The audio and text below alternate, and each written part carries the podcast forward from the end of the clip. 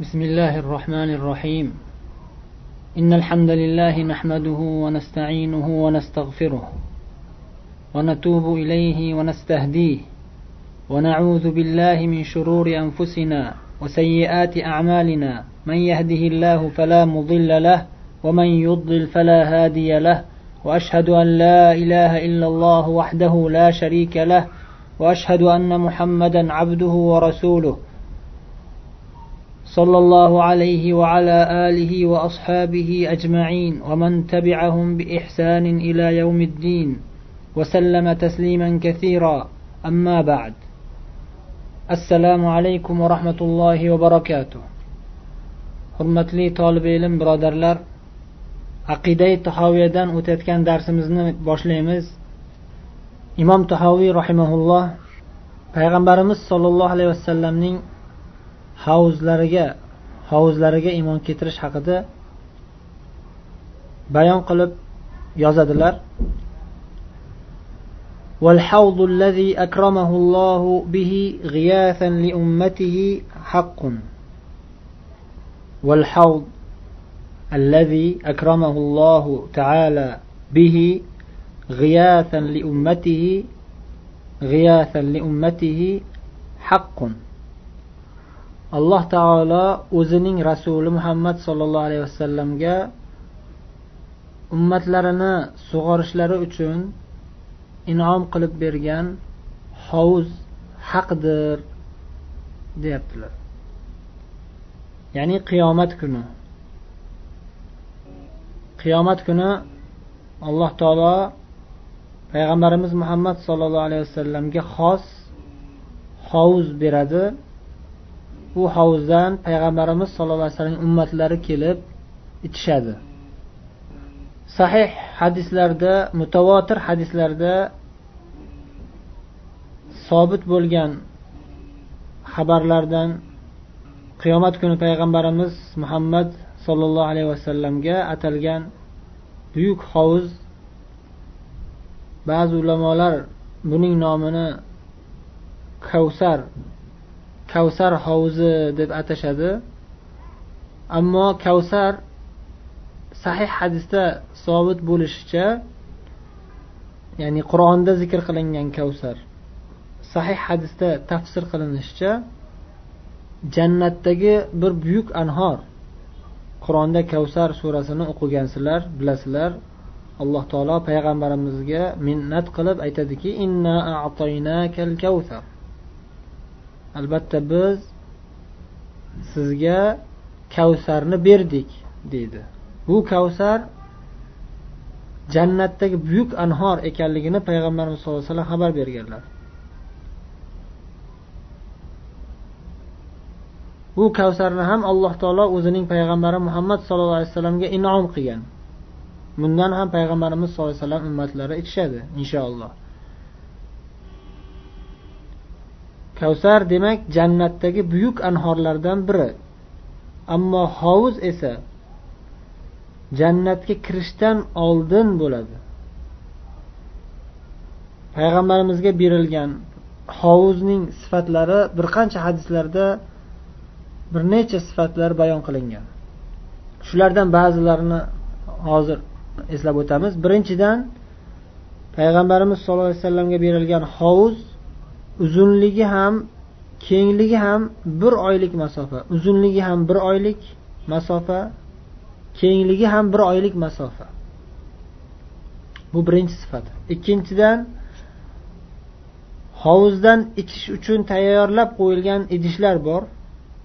Bu idishlar yulduzlarning soni kabi juda ham ko'p ekanligi bayon qilingan hadisda. Uchinchidan hovuzning manbasi jannatdagi kavsar anhori ekani ham xabar berilgan. Kavsar anhoridan bu hovuzga ikki tarnov orqali suv quyilib turadi. Kavsarning ham buyukligi juda buyuk hovuzning ham buyukligi juda buyuk bu ikki tarnovning ham buyukligi albatta juda buyuk. Biz kayfiyatini tasavvur qilolmaymiz bu dunyoda. To'rtinchidan hovuzning suvi asaldan ham lazzatliroq asaldan ham shirinroq sutdan ham oppoqroq. U suvdan bir marta ichgan kishi bir marta bir ho'plam ichsa bo'ldi qaytib aslo chanqamaydi. Beshinchi sifati yoki hovuzga taalluqli nuqtalardan beshinchisi hovuzdan faqatgina payg'ambarimiz sollallohu alayhi vasallamning sunnatlarini lozim tutgan haqiqiy ahli tavhid va haqiqiy iymon bo'lgan haqiqiy mo'min bo'lgan musulmonlar ichishadi turli tuman bid'atlarni paydo qilgan kimsalar esa bundan mahrum bo'lib qolishlari xavfi xatari juda ham katta. Chunki rasululloh sollallohu alayhi vasallam sahih hadisda xabar berib aytadilar men sizlarni hovuz oldida kutaman birinchi bo'lib borib sizlarni kutib turaman deb ummatlarga xitob qilib aytyaptilar. Keyin ogohlantirib aytyaptilarki o'sha kuni qiyomat kuni men hovuz oldida kutib turganimda shunday odamlar keladiki ularni maloikalar hovuzga yaqinlashtirishmaydi. Haydab yuborishadi shunda men ular mening ummatim bu odamlar ham mening ummatim deb aytaman. Shunda menga javob qilinadiki siz bu kimsalar sizdan keyin nimalar paydo qilishganligini bilmaysiz deb javob berishadi. Shunda men aytamanki suhqon suhqon liman g'ayyara ba'di. Mendan keyin dinni o'zgartirib tashlagan kimsalar yo'qolsin yo'q qilinsin degan ma'noda payg'ambarimiz ham keyin ulardan o'zlarini uzoq tutadilar. Shuning uchun haqiqiy mo'min bo'laman degan odam hovuz payg'ambarimiz payg'ambarimiz sollallohu alayhi vasallamning hovuzlaridan ichib ne'matlanishni xohlagan odam payg'ambarimiz sunnatlarini lozim tutishi kerak. Haqiqiy mo'min bo'lishi kerak. Qur'oni sunnatga tobe bo'lib chin qalbi bilan qur'oni sunnatga iymon keltirib amal qilish kerak.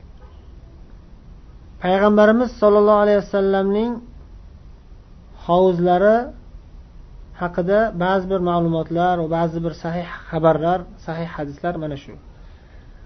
Bundan tashqari umuman har bir payg'ambarning o'z ummati uchun alloh taoloning marhamati bilan inom qilingan hovuzlar bo'ladi. Har bir payg'ambarlarga alloh taolo hovuzlar bergan. Har bir payg'ambarga xos o'sha payg'ambar va uning ummatiga xos hovuz bo'ladi. Eng buyuk hovuz payg'ambarimizning hovuzlari bo'ladi. Zero payg'ambarimizning ummatlari boshqa payg'ambarlarning ummatlariga qaraganda juda ham ko'p. Ummati muhammad sallallohu alayhi vasallam eng ko'p ummat. Shuning uchun payg'ambarimizga va ummatlarini sug'orish uchun beriladigan bu buyuk hovuz eng buyuk hovuz bo'ladi inshaalloh. Demak payg'ambarimiz sollallohu alayhi vasallamning hovuzlari jannatga kirishdan oldin bo'ladi.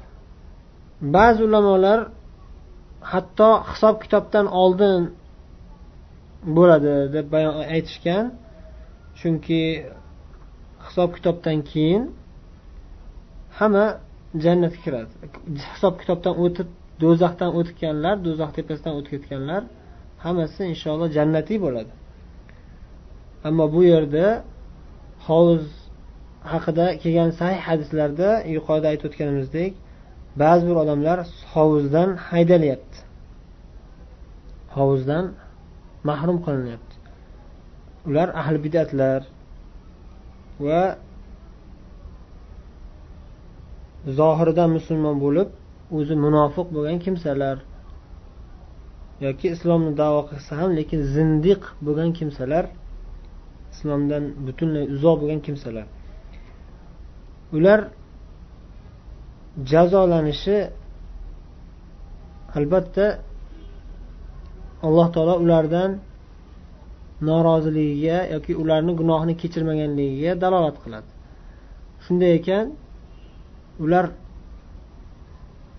hovuzga yaqinlashishida yaqinlashib hovuzni ko'rgandan keyin haydarishligi demak u hovuz do'zaxdan oldin ekanligiga ishora bo'lyapti. Agar do'zaxdan keyin jannatga kirishga yaqin joyda bo'lganda ular u joyga borolmasdi o'zi. Do'zaxga tushib ketgan bo'lardi. Allohu alam.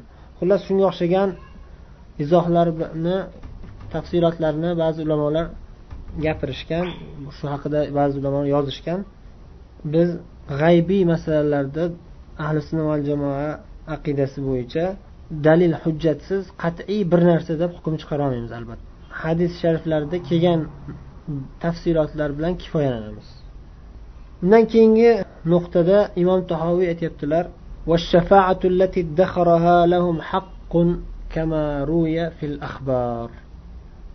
alloh taoloning izni ila o'z ummatlari uchun xazina qilib saqlab qo'ygan shafoatlari ham haqdir.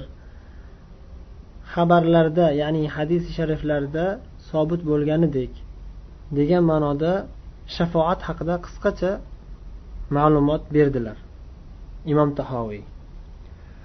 Endi shafoat haqida e, oyatu hadislardan tushunib bayon qilingan bir qancha masalalar bir qancha nuqtalarni sharhlab o'tishimiz kerak. Imom tahoviy bu yerda zikr qilgan shafoat payg'ambarimiz muhammad sollallohu alayhi vasallamga alloh taolo o'zi ruxsat beradigan shafoat turlaridan biri bu. Alloh taolo o'zi payg'ambarimiz sollallohu alayhi vasallamga shafoat qilishlari uchun ruxsat beradi. Va bir necha xil shafoatlar bilan bir necha o'rinlarda payg'ambarimiz sallallohu alayhi vasallam odamlarni shafoat qiladilar allohning huzurida. Bu yerda imom tahoviy zikr qilgan shafoat shulardan bir turi haqida bo'lyapti. U ham bo'lsa o'zlarining ummatlariga taalluqli bo'lgan shafoat. Faqatgina o'zlarining ummatlariga bo'lgan shafoatlari. Chunki imom tahoriy aytadilarki lahum ya'ni o'zlarining ummatlariga saqlab qo'ygan shafoatlari deyaptilar ya'ni payg'ambarimiz sollallohu alayhi vasallam o'zlarining ummatlariga qiladigan shafoatlari. Bu bir necha shafoatlaridan biri. bu haqida muttafaqun alayh hadisda payg'ambarimiz sallallohu alayhi vasallam o'zlari xabar berib aytadilarki لكل نبي دعوة مستجابة فتعجل كل نبي دعوته وإني اختبأت دعوتي شفاعة لأمتي يوم القيامة فهي نائلة إن شاء الله من مات من أمتي لا يشرك بالله شيئا har bir payg'ambarga qabul bo'lishi aniq bo'lgan duo berilgan Mustajob duo berilgan. Hech bo'lmadi degani bitta aniq qabul bo'lishi aniq deb xabar berilib duo qilsang qabul bo'ladi. Hozir mana shu duoying qabul bo'ladi degan ma'noda aniq mustajob bo'lgan duo qilish imkoniyati berilgan. Barcha payg'ambarlar ana shu maxsus duoni bu dunyoda ollohdan duo qilib so'rab bo'lishgan. Men esa u duoni qiyomat kuniga ummatimni shafoat qilish uchun saqlab qo'ydim. Inshaalloh mening ana shu duoyim ummatimdan ollohga hech qanday. Inshaalloh mening ana shu duoyim ummatimdan ollohga hech qanday shirk keltirmasdan o'tadiganlar uchun albatta nasib bo'lajak dedilar. Bu hadis sharifda zikr qilingan shafoatlari ummatlari ichidan ba'zi bir gunoh kabiralarni qilib qo'ygan tavhidga amal qilganku umumiy asl iymoni bor lekin iymoni zaiflik qilib ba'zi bir o'rinlarda ba'zi bir gunoh kabiralarga yo'l qo'yib qo'ygan iymoni noqis musulmonlar uchun payg'ambarimizning shafoatlari haqida o'zlari xabar berdilar bu hadis sharifda endi boshqa o'rinlarda ham payg'ambarimiz sollallohu alayhi vasallamga xos yana bir necha shafoat turlari bor. Eng buyuki eng ulug'i va birinchisi eng birinchisi shafaatul kubro eng katta shafoat deyiladi. Shafaatul kubro eng katta shafoat qiyomat kuni barcha haloyiqlar arzil mahsharda to'planib hisob kitobni kutib o'tirishganda ana shularga taalluqli bo'ladigan shafoatlar. Butun haloyiq uchun allohning huzurida shafoat qiladilar payg'ambar sallallohu alayhi vasallam. Mana shu shafoatlarini al maqomul mahmud maqtalgan maqom mahmud hamd aytiladigan maqom deb alloh taolo isro surasini yetmish to'qqizinchi oyatida qur'oni karimda xabar beradi. Asa an yab'athaka robbuka maqoman mahmuda. Shoyat sizni parvardigoringiz maqom mahmudga olib borsa olib boradi degan ma'noda. Ya'ni alloh taolo agar asa desa albatta o'sha narsa bo'ladi degani. Bu shafoi kubro bu shafoi kubro eng buyuk shafoat haqida ko'pdan ko'p sahih hadislar sobit bo'lgan. U hadislarda xabar berilishicha qiyomat kuni arzil mahsharda barcha haloyiq odam alayhissalomdan tortib qiyomatgacha yashab o'tgan barcha odamlar milliard milliard milliard odamlar hammalari bir joyda to'planib ollohning hisob kitobini kutib turishadi. Ana shu intizor juda ham uzoq muddat davom etadi. Va ular haloyiq odamlar juda ham qattiq og'ir holatda qolib ketadilar. Bu haqida e, ko'p hadislarda xabar berilgan gunoh ma'siyatlarga qarab e, holatlari juda ham og'irlashib ketaveradi. Alloh taolo quyoshni odamlarni boshiga yaqin qilib olib kelib qo'yadi. Natijada odamlar terlab terlari oqib gunohi ko'plar teriga cho'kib o'sha terlariga cho'kib ketadi. Ellik ming yil kutib o'tirishadi. Ellik ming yil kutib tik turgan holatda qolib ketishadi hisob kitobni kutib. Shunda bir qancha odamlar insoniyatning otasi bo'lmish odam ato odam alayhissalomga borib iltimos qilishadiki alloh taolo huzurida shafoat qiling bizni tezroq hisob kitob boshlansin deb talab qilishadi. Odam alayhissalom esa bu talabga javob bera olmasliklarini aytib nuh alayhissalomga boringlar deydilar. Nuh alayhissalomga borishsa u zot ham uzr aytib ibrohim alayhissalomga yuboradilar. Ibrohim alayhissalomga borishsa u zot ham uzr aytib muso alayhissalomga boringlar deydilar. Muso alayhissalomga borishsa muso alayhissalom iso alayhissalomga yuboradilar iso alayhissalomga kelishganda keyin iso alayhissalom muhammad sollallohu alayhi vasallamga yuboradilar muhammad alayhissalotu vassalam oldilariga kelishganda odamlar iltimos qilib javob qilib aytadilarki men ushbu talabni bajarishga loyiq yoki shu talabni bajaradigan odamman. Deb iltimosga javob berib alloh azza va jallaning arshi azimi ostiga borib allohga sajda qiladilar. Va sajdalarda juda ham uzoq muddat qolib ketadilar. Qanchaligini hozir biz bilmaymiz. Lekin juda ham uzoq muddat qolib ketishlarini o'zlari xabar berganlar. Va aytadilarki alloh taolo ana shu lahzada menga sajda qilib turganimda shunday bir ilhom beradiki hozir men bilmaydigan juda ham buyuk hamdu sanolarni eslab bilib o'sha payt sajdada alloh taologa hamdu sanolar aytaman deydi eng ulug' hamdu sanolarni aytaman deydi uzoq muddat sajdada qolib ketganlaridan keyin hamdu sanolar aytib alloh taoloni eng buyuk maqtovlar bilan maqtaganlaridan keyin alloh taolo nido qiladiki ya muhammad irfa rasak vashfa tushaffa vasal tu'ta. Ey muhammad boshingni ko'tar tilagingni tila albatta beriladi senga. Shafoat qiladiganingni shafoat qil shafoating qabul qilinadi deb alloh taolo aytadi. Keyin payg'ambar sallallohu alayhi vasallam shafoatlarini boshlaydilar shafoat qilishni. Yuqorida aytib o'tish esimdan chiqqan nuqtalardan biri shafoat haqida odamlar adashgan toifalar ikki xil.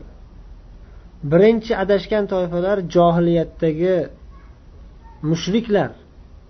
Ularning davosi bo'yicha buyuk avliyolar va o'zlari to'qib chiqarib olgan butlari ollohni huzurida ularni shafoat qiladi. Olloh ularni shafoatini qabul qiladi.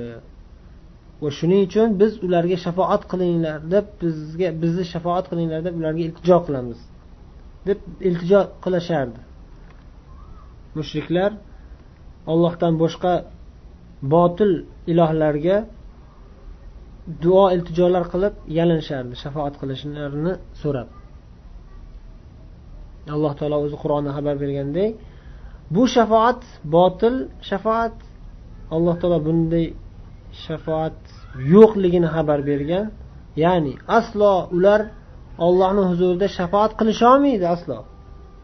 Alloh taolo qur'onda oyatil kursiyda xabar berganidek kim ollohni huzurida shafoat qila oladi? Magaram ollohni izni bilan olloh ruxsat bersagina shafoat qilishga kirishadilar va o'shanda ham ولا يشفعون إلا لمن ارتضى وهم من خشيته مشفقون alloh taolo rozi bo'lgan odamlargagina shafoat qiladilar ya'ni mushriklarga emas asli iymoni bor gunohkorlarga shirki akbar qilmaganlarga shafoat qilishadi shirki akbar qilib mushrik bo'lib ketgan yoki o'zi kofir bo'lgan kimsalarni shafoat qilib bo'lmaydi. Alloh bunga ruxsat bermaydi aslo. Demak bu shafoat botil shafoat tagi yo'q shafoat. Hech kim bunga jur'at ham qilolmaydi xayoliga ham keltira olmaydi. Allohni huzurida bunaqa shafoatga ya'ni mushriklarni iymonsizlarni tarafini olib hech kim shafoat qilolmaydi hech kimga ruxsat ham berilmaydi hech kim shafoat ham qilolmaydi na farishtalar na payg'ambarlar na boshqalar. Hech kim mushriklarni kofirlarni tarafini ololmaydi ollohni huzurida. Demak bu mushriklar davo qilib aytgan shafoat haqidagi bayon uni yo'qligini bayoni endi ahli sunna val jamoa iymon keltiradigan haqiqiy shafoat bor va u bir necha turli shulardan ba'zilarini ahli bidatlar tan olishgan ba'zilarini inkor qilishgan. Tan olishganlari boya yuqorida aytganimiz shafoat kubro. Eng katta shafoat. Barcha haloyiqlarni ollohni huzurida payg'ambar sallallohu alayhi vasallam tezroq hisob kitobini boshlashlikni duo qilib so'rashliklarini bular tan olishadi. Chunki bu ularning botil e'tiqodlariga ahli, ahli bidatlarni botil tasavvurlariga zid bo'lmaganligi uchun ular buni tan olishadi. Ya'ni ularni e'tiqodi ahli ahli bidatlar musulmonmiz degan toifalar ya'ni mu'tazilalar masalan va xavorijlar davo qilishicha gunoh kabira qilib qo'yganlar kofir bo'ladi. Ularga hech qanaqa shafoat foyda bermaydi va ularni hech kim shafoat qilmaydi deydiganlar. Ammo lekin o'shalar mana bu shafaatil kubroni tan olishadi. Payg'ambarimiz sallallohu alayhi vasallam haloyiqni shafoat qilib tezroq hisob kitob boshlanishini so'raydilar bu narsa bor narsa deyishadi. Lekin narigi shafoatni hozir biz aytmoqchi bo'lgan shafoatni ular inkor qilishadi. Payg'ambar sollallohu alayhi vasallam va boshqa payg'ambarlar va hatto malaikalar va shahidlar qiladigan shafoatlarini ahli bidatlar mutazila havorij va hokazolar inkor qilishadi. Chunki ularning e'tiqodi bo'yicha ularning asoslariga to'g'ri kelmaydi. O'zlarini botil e'tiqodlariga adashgan e'tiqodlariga to'g'ri kelmaganligi uchun. Ularning adashgan e'tiqodlari nimada? Gunoh kabira qilib qo'yganlar kofir degan e'tiqodlari. Gunoh kabira qilganlar butunlay kofir bo'ladi musulmonligi qolmaydi mutlaqo. Shuning uchun ular do'zaxda abadiy qoladi deyishadi. Ularni shafoat qilib bo'lmaydi hech kim shafoat qilolmaydi ularni deb davo qilishadi. Mana shu davolarga binoan shafoat haqida kelgan dalillarni rad qilishgan. Shafoat haqida kelgan ochiq oydin mutavotir hadislarni rad qilishgan. Balki hatto oyat karimalarni ham ma'nolarini burishgan. Masalan allohning izni bilan shafoat qilish mumkin ekanligini alloh taolo qur'onda xabar bergan. Lekin ular bu oyatlarni ahli kaboirlarga to'g'ri kelmaydi. Ular kofir. Bular bu oyatdagi shafoat ahli jannatlarga yoki arzil mahshardagi shafoat kubroga xos deb tafsir qilinadi deb davo qilishadi. Xullas kalom bu ularning e'tiqodlari noto'g'ri. Shafoat haqida juda ko'p mutavotir hadislar sobit bo'lgan uni rad qilishlik adashishlik zalolatdir. Demak shafoatil kubro eng katta shafoat birinchi tur shafoat bu payg'ambarimizga xos shafoat buni ahli bidatlar ham tan olishgan. U u shafoatning natijasi hisob kitob boshlanishligi. Butun haloyiq ellik ming yil hisob kitobni kutib turishadi. Ichida mushriklaru munofiqlaru ahli bidatlaru va boshqa hamma muhaqiqiy mo'minlar ham shafoatni kutib turishadi. Va ana shu lahzalarda ba'zi bir buyuk mo'minlar allohning arsh soyasida bo'lishliklari xabar berilgan. Hamma quyosh ostida issiqda qiynalib turganda alloh taolo o'zining haqiqiy mo'min bo'lgan bandalaridan bir qancha toifalarini e, o'zining arsh soyasi ostida salqinda hech qanday qiyinchiliksiz saqlab turadi. Shafoi kubro shu. Endi ikkinchi tur shafoat ikkinchi xil shafoat ham bor. U ham payg'ambarimizga xos bo'lgan shafoat. Payg'ambarimizni alloh taolo buyuk e, hurmatlarini ko'rsatish uchun ikrom qilish uchun payg'ambarimizga xos qilib beradigan martaba birinchisi shafoatul kubro maqomil mahmud deb alloh taolo sifatlagan payg'ambarimiz shafoatlarini. Ikkinchisi ahli jannatni jannatga kirishlari uchun shafoat qilishlari. Bu do'zaxni tepasidan ko'prikdan sirotdan o'tib ketib bo'lgandan keyin kofirlaru do'zaxga tushadiganlar do'zaxga tushib ketgandan keyin bo'ladigan shafoat. Jannatni eshigini tagiga borilganda ro'y beradigan shafoat. Hisob kitoblar bo'lib do'zaxga tashlanadiganlar do'zaxga tashlanib ko'prikni ustidan o'tib ketadiganlar ko'prikni ustidan o'tib va ba'zilar bilasizlar ko'prikni ustidan o'tayotganlarni ichida ba'zilar gunohkorlar bo'ladi jarohatlanishadi ko'prikni ustidan o'tayotganda tez o'tolmaganliklari tufayli yiqilib do'zaxga tushib ketib qolay deb zo'rg'a o'tib oladiganlar bo'ladi. Va o'sha gunohkorlar va undan tashqari bir biri bilan urushib qolgan mo'min musulmonlar bo'lishadi. O'sha do'zax tepasidan o'tib ketishgandan keyin ko'prikdan o'tib ketishgandan keyin qantaraga borishadi. Qantara. Bir tepaliq bo'ladi. Qantara deyiladi. Do'zax bilan jannatni orasida. Do'zaxdan o'tib ketilgan lekin jannatga yetib bormasdan mo'minlar musulmonlar turadigan bir joy to'planadigan bir joy. Jannat bilan do'zaxni orasida to'planib turishadi. U yerda alloh taolo bir biriga gina kuduratlari bo'lganlarni tozalaydi ichlarini ya'ni bir birlariga bo'lgan g'arazlarini yo'qotilib bir biri bilan urushib qolgan musulmonlar bir biriga bir biri bilan xafalashgan musulmonlar bir birlarini kechirishib chin qalblardan yana qaytadan haqiqiy mo'min birodarlar bo'lishib toza qalb bilan musaffo vijdon bilan tozalanishgandan keyin keyin jannatga kirishga jannatga kirishga tayyorlanishadi.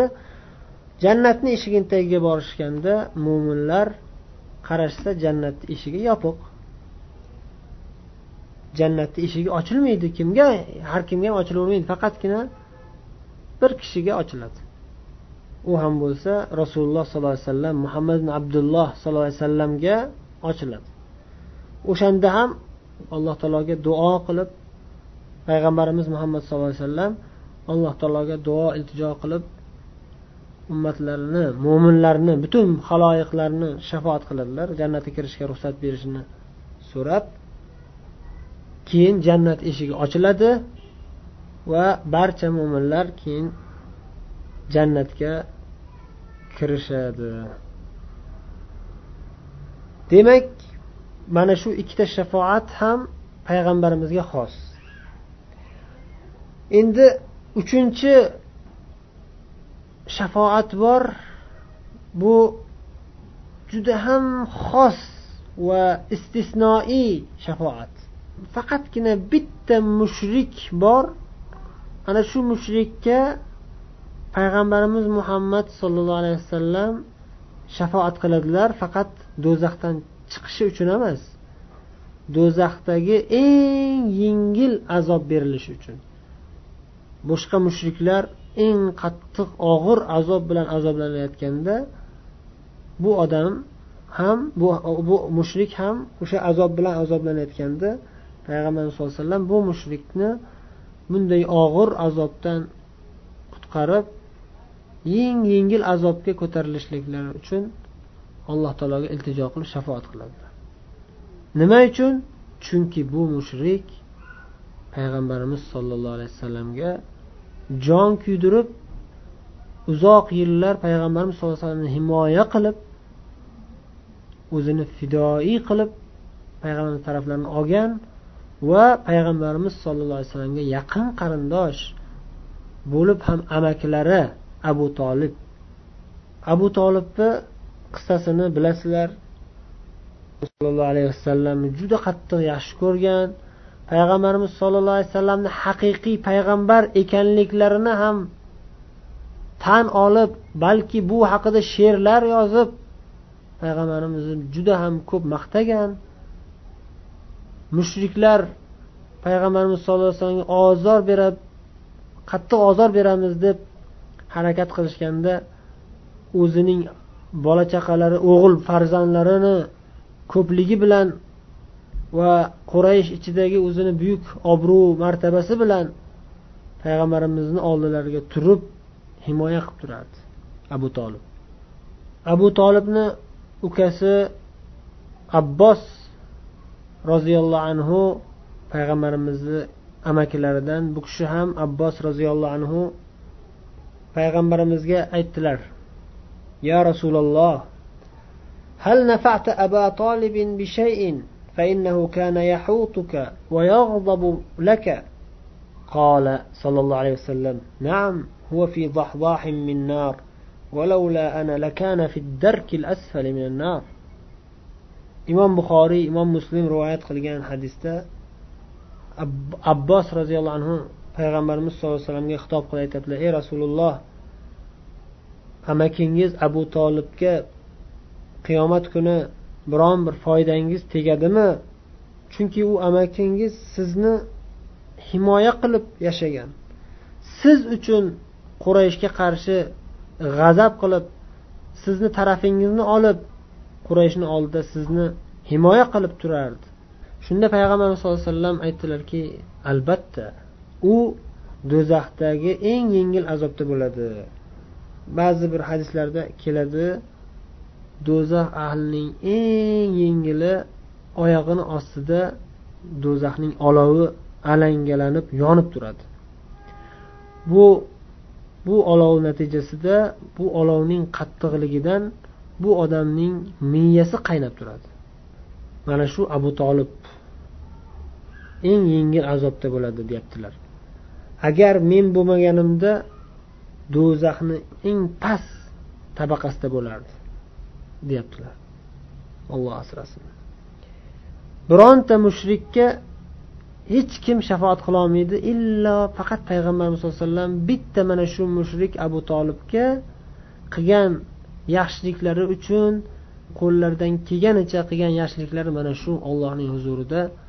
Shu amakim abu tolibni menga fidoyi bo'lib yashaganligi uchun ey olloh do'zaxni chuquridan qutqargin ko'targin tepaga deb iltijo qilganlarida alloh taolo mushriklar do'zaxdan chiqishi mumkin emas. Lekin mana shu abu tolibga xos abu tolib qilgan yaxshiliklari uchun jon kuydirganligi uchun islom uchun jon kuydirganligi uchun do'zaxni eng yengil azobiga ko'tariladi. Deb ruxsat beradi alloh taolo. Mana shu hadisdan ham bilamizki shafoat foyda berishi uchun ikkita shart. Birinchisi shafoat qiluvchiga olloh o'zi ruxsat berishi kerak. Olloh ruxsat bermasa hech kim shafoat qilolmaydi hatto payg'ambarimiz muhammad sollallohu alayhi vasallam ham shafoat qilolmanglar magar olloh ruxsat bergandan keyingina. Ikkinchi shart shafoat qilinayotganlarga ham olloh ruxsat berishi kerakki mana shularni shafoat qilsang mayli deb. Olloh esa hech kimga ruxsat bermaydi do'zaxdan chiqarilishiga illo agar qalbida zarracha bo'lsa ham iymon tavhid bo'lishi kerak. Allohga shirk akbar keltirmagan bo'lishi kerak. Shuning uchun ham abu tolib do'zaxdan butunlay chiqib qutulib ketolmaydi chunki u mushrik bo'lib o'lib ketdi. O'layotganida payg'ambarimiz sallallohu alayhi vasallam yalinib ey ab ammi ey amakijon la ilaha illalloh deb qo'ying. Ollohdan boshqa hech qanday iloh yo'q. Ibodat qilinishga loyiq bo'lgan haqli bo'lgan hech qanday iloh yo'q. Faqatgina ollohning o'zi yagona iloh deb aytib qo'ying bir og'iz. Bir og'iz shu guvohlikni aytib qo'ying deb rosa qattiq yalinganlar. Shunda yo'q. Men abdul muttalibni millatida o'taman deb o'lib ketdi. Abu abdul muttolib butlarni inkor qilmagandi. Ollohdan boshqalarga yalinishlikni inkor qilmagandi balki o'zi ham yalinib o'tgan u ibodat qilib o'tgan mushrik bo'lib o'tgan abu tolib ham. E, abdul muttolib ham. Allohu mustaan. Bu uchinchi turli shafoat demak. Bu ham juda ham xos va istisnoiy mustasno holat. Faqat abu tolib uchun mustasno holat. Boshqa hech kimga bunaqa imkoniyat berilmaydi. Bironta mushrikni o'zi loyiq bo'lgan azobdan yengillatilmaydi. O'zi abu tolib ham boshqa mushriklar kabi do'zax pastida bo'lishga loyiq edi. Mushrik bo'lganligi uchun shirk akbar keltirib o'tganligi uchun. Lekin unga istisnoiy holat mustasno holat bo'lib yengillatildi azobi.